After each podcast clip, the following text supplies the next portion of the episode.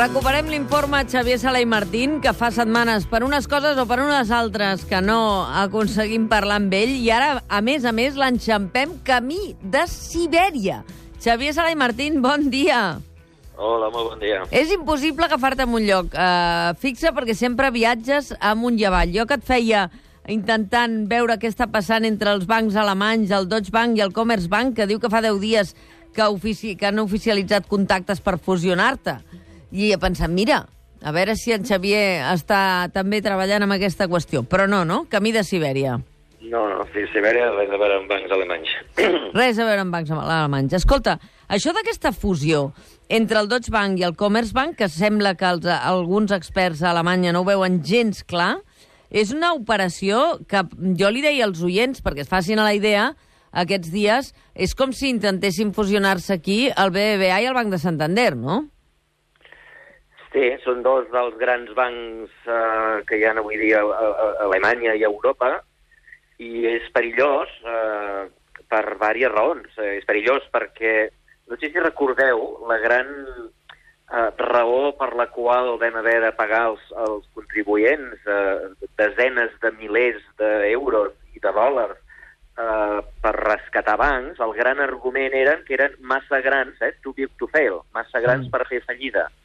I, diguem, si tu tens molts bancs petitets, doncs passa com amb els restaurants, no? Si tanca un, doncs no passa res perquè n'hi ha un altre. Mm. I així, al final, doncs, eh, l'economia, diguem, premia els que fan les coses bé i castiga els que fan les coses malament.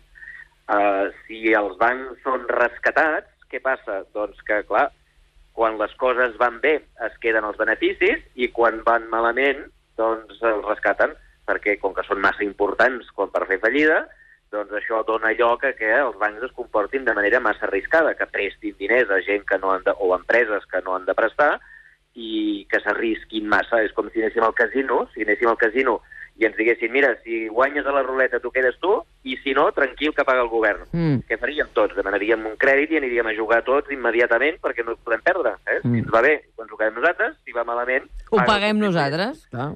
i, i aleshores, clar, eh, el, el, la fusió d'aquests grans bancs, fixa't que va en la direcció contrària a la que hauríem d'anar.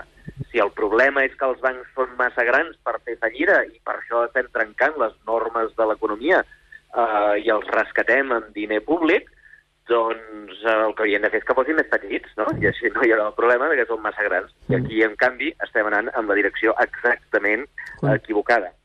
Sí. Uh, I per tant, jo crec que eh, efectivament, com els, el, alguns, alguns analistes alemanys diuen, això és una molt mala idea. Eh, la veritat és que sí, que quan garbeges una mica tot el que s'està eh, dient sobre aquesta qüestió, hi ha molta gent eh, que aplica aquella lògica que dèiem que era perversa en el seu moment i tu ho havies argumentat fa, fa uns anys quan parlàvem d'això, eh, la famosa excusa del too big to fail, no? I ara estàs creant un monstre, d'alguna manera, no?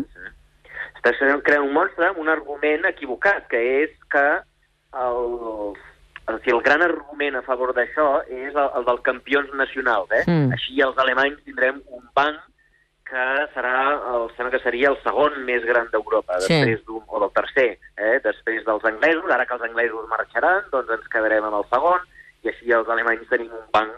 Clar, això de, de, del nacionalisme econòmic és perillós, perquè per què els alemanys volen un banc, tenir el banc més gran? Mm. Això el que denota és una cosa que també hem parlat alguna vegada en aquest programa, que és la, la relació aquesta incestuosa que, es té, que tenen els bancs amb el poder polític. No? Mm. Qui vol tenir un banc poderós a nivell alemany són els polítics alemanys.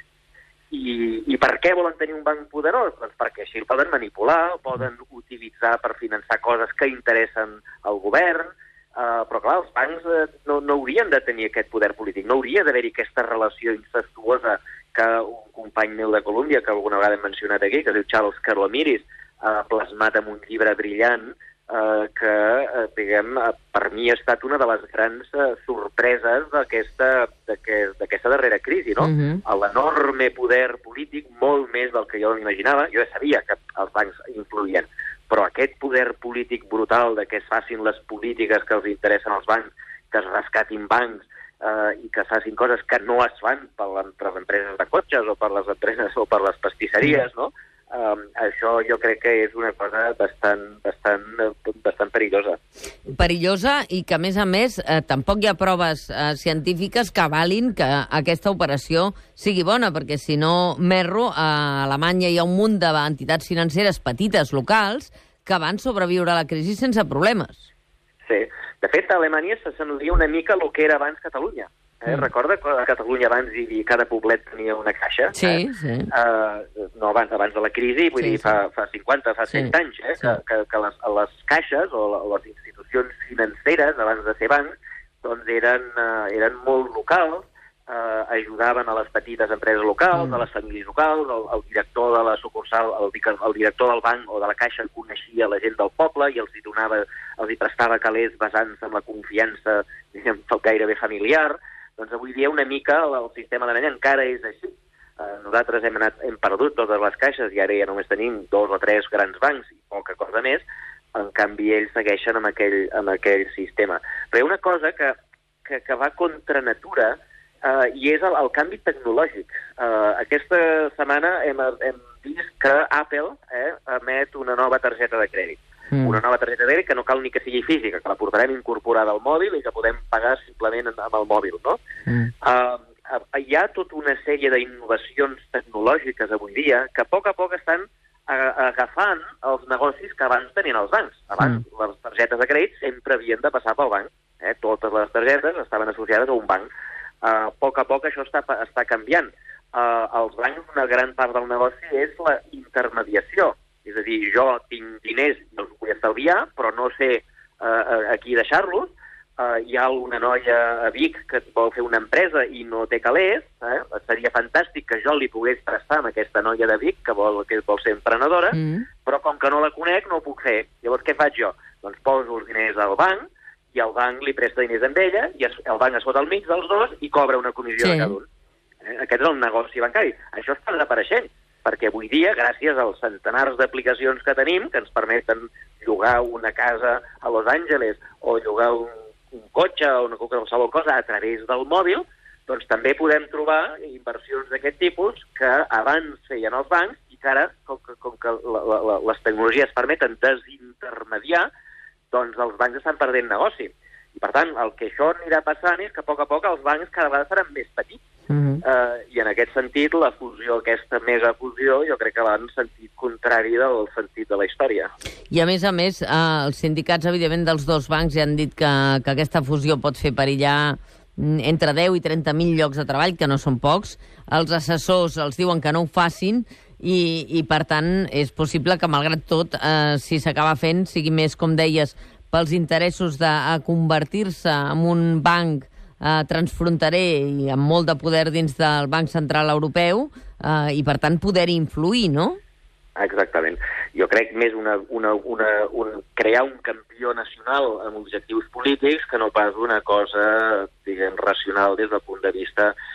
bueno, des del punt de vista econòmic pel banc igual sí que li interessa, però per la societat, eh, recorda que el, el gran benefici, o sigui, o sigui l'economia funciona, l'economia de mercat que tenim mm. funciona només si la gent té alternatives. Clar.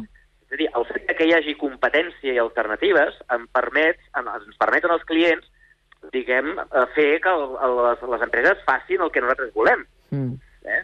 Si tu, si una empresa que fa pa no fa el tipus de pa que a tu t'agrada, doncs tu la pots castigar, entre mm. cometes, a base de no comprar-li, i te'n vas a la competència i, i, i, i que fa el pa que tu vols. D'aquesta manera, les empreses han de fer el pa que la gent vol. Clar. Però només funciona si hi ha competència. Mm. Si resulta que només hi ha un banc, o hi ha un banc que domina una gran part del mercat, doncs això és un, és un problema perquè els clients perden el poder. És el banc que imposa les seves condicions al client i si no t'agrada, te'n vas. Eh? Uh, clar, si no pots marxar a cap altre banc, doncs al final eh, has d'obeir el que et diu el banc. Uh, només si hi ha la possibilitat de dir-li al banc, escolti, no m'agraden les condicions, me'n vaig a un altre banc, uh, els bancs acabaran fent el que desitgen els clients. I, I per tant, és una mala idea tenir bancs gairebé monopolístics. Banc monopolístic, però que a nivell europeu, a més a més, segurament, eh, com que acumularà el deute de molts dels estats membres, determinarà de quina manera es tracten aquests estats en el moment en què tinguin eh, situacions crítiques, no?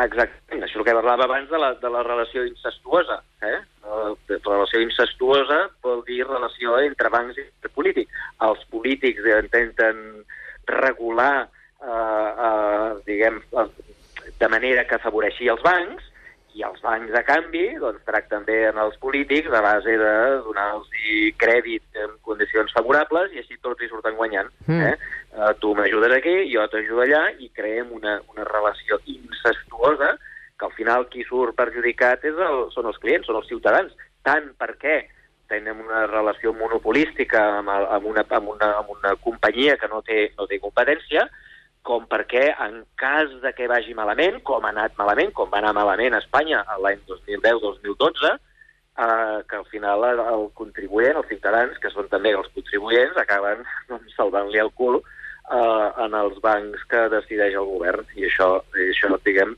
el, el govern i el banc hi surt guanyant, però el ciutadà hi surt perdent.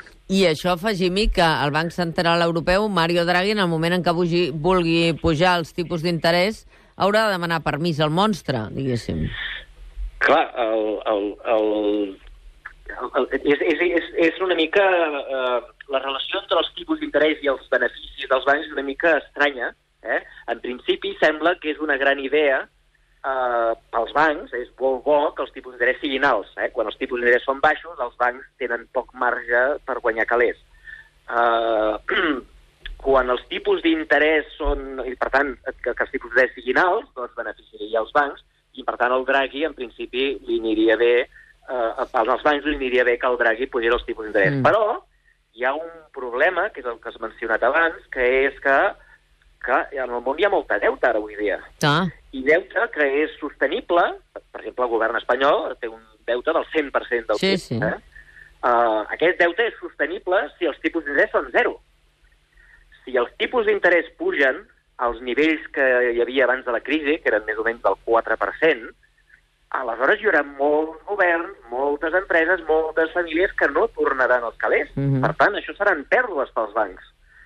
I, per tant, eh, és veritat que el marge de benefici dels bancs augmenta quan hi ha els tipus d'interès alts, però, per altra banda, les pèrdues dels bancs es poden multiplicar perquè en aquests anys que hem tingut de tipus d'interès gairebé zero, doncs hi ha hagut eh, empreses i sobretot hi ha hagut governs, com l'espanyol, que s'han endeutat fins al clatell. Mm -hmm. I per tant això és perillosíssim. I per tant, quan el Draghi decideixi pujar o no pujar, o cada vegada que es reuneix el Banc Central Europeu i decideixen si pujar o no pujar els tipus d'interès, tenen un, un problema que, que han de tenir en compte, que és, escolta'm, que aquí podem fer que alguns bancs facin fallida perquè els impagaments poden ser catastròfics. Mm -hmm. eh? I, i, per, i, I això també és part de la relació aquesta incestuosa. El Banc Central Europeu això no ho hauria ni de considerar. Uh, hauria de mirar quin és el tipus d'interès que millor que fa que l'economia vagi millor, no que afavoreix a una part de l'economia que són els bancs. Hi ha una altra qüestió, uh, Xavier als Estats Units, a la Reserva Federal, que, que a la setmana passada van decidir mantenir els tipus en aquesta forquilla del 2,25 al 2,50, eh, sembla que no estan tan segurs que l'economia vagi creixent. Hi ha hagut com una frenada general, no? Sí, sí hi, ha, hi, ha hagut, a veure, hi, ha, hi ha hagut una, una, una part del món, per exemple Itàlia, la mateixa Alemanya, que l'últim trimestre del, de l'any passat doncs, van tenir creixement negatiu. Sabeu que la definició de crisi eh, és que hi tinguin dos trimestres en creixement negatiu, és a dir, dos trimestres anant cap enrere. Eh, hi ha hagut algunes parts del món que ha passat això, però sobretot, el, sobretot eh, hi ha molta gent que creu que la borsa és un predictor de l'economia. Per què? Perquè la borsa és un lloc on es compren i es venen uns paperets que es diuen accions, que no serveixen per menjar, aquests paperets, simplement serveixen perquè et donen els beneficis de l'empresa. Eh? Mm. Si tu compres una acció de la Caixa, tens dret a cobrar els dividends que, que doni la caixa. Mm. I, per tant, si els mercats preveuen que l'economia anirà molt bé, és a dir, que la caixa tindrà molts beneficis, òbviament el preu de les accions de la caixa pugen. Eh? I, I, per tant, quan els preus de les accions de les empreses en general pugen, doncs la gent diu, escolta, això vol dir que els, estan a punt de venir molts beneficis. I al revés, quan les accions baixen, doncs vol dir que venen pèrdues, és a dir, que l'economia anirà malament en el futur. Val? Uh, I, per tant, molta gent creu que la borsa és un predictor. I el que va passar al final de l'any passat, i ha passat una mica a principis d'aquest any, és que la borsa ha anat fatal. Mm. I, per tant, molta gent anticipa que això vol dir que estem a punt d'arribar a una nova crisi. Ara bé, Mm. abans de córrer, eh, diguem, i, i arribar a aquesta conclusió, deixeu-me eh, recordar una cosa que em sembla que he dit ja diverses vegades aquí, però la repetiré, i és que la borsa és veritat que prediu les crisis, però eh, la borsa eh, ha predit eh, nou de les últimes cinc crisis. Mm. És a dir, que hi ha moltes vegades que la borsa cau, però no hi ha crisi. Ah, exacte. Eh? És a dir, que a vegades sí, les cinc, les cinc primeres vegades que la borsa cau i després hi ha crisi, però n'hi ha quatre que la borsa cau i no hi ha cap crisi, que Mm. mm. són falses alarmes. Eh? Uh, per què? Doncs perquè la gent que compra i ven accions, la gent que és la que al final del dia és la que va pujar i baixar la borsa, doncs tampoc no tenen ni idea del futur. Ells poden sospitar que la caixa tindrà pèrdues, però la realitat no la sabrem fins que la caixa ens ensenyi els números. Mhm. D'aquí un any, d'aquí dos anys, d'aquí cinc anys. I, per tant, els inversors no, són, no tenen uns poders divins que els hi permeten fer prediccions econòmiques, sinó que són gent normal que s'equivoca com tota l'altra gent normal. I, per tant, no hem d'utilitzar la borsa com un predictor. Eh? El fet de que el mes de desembre la borsa tingués una situació catastròfica, sobretot als Estats Units, no indica necessàriament que està a punt d'arribar a la crisi. Uh, Xavier Sala i Martín, et deixem proseguir el teu periple cap a les Terres Fredes. Uh, torna ben aviat. Una abraçada, que vagi bé. Gràcies. Adéu. veure. Adéu.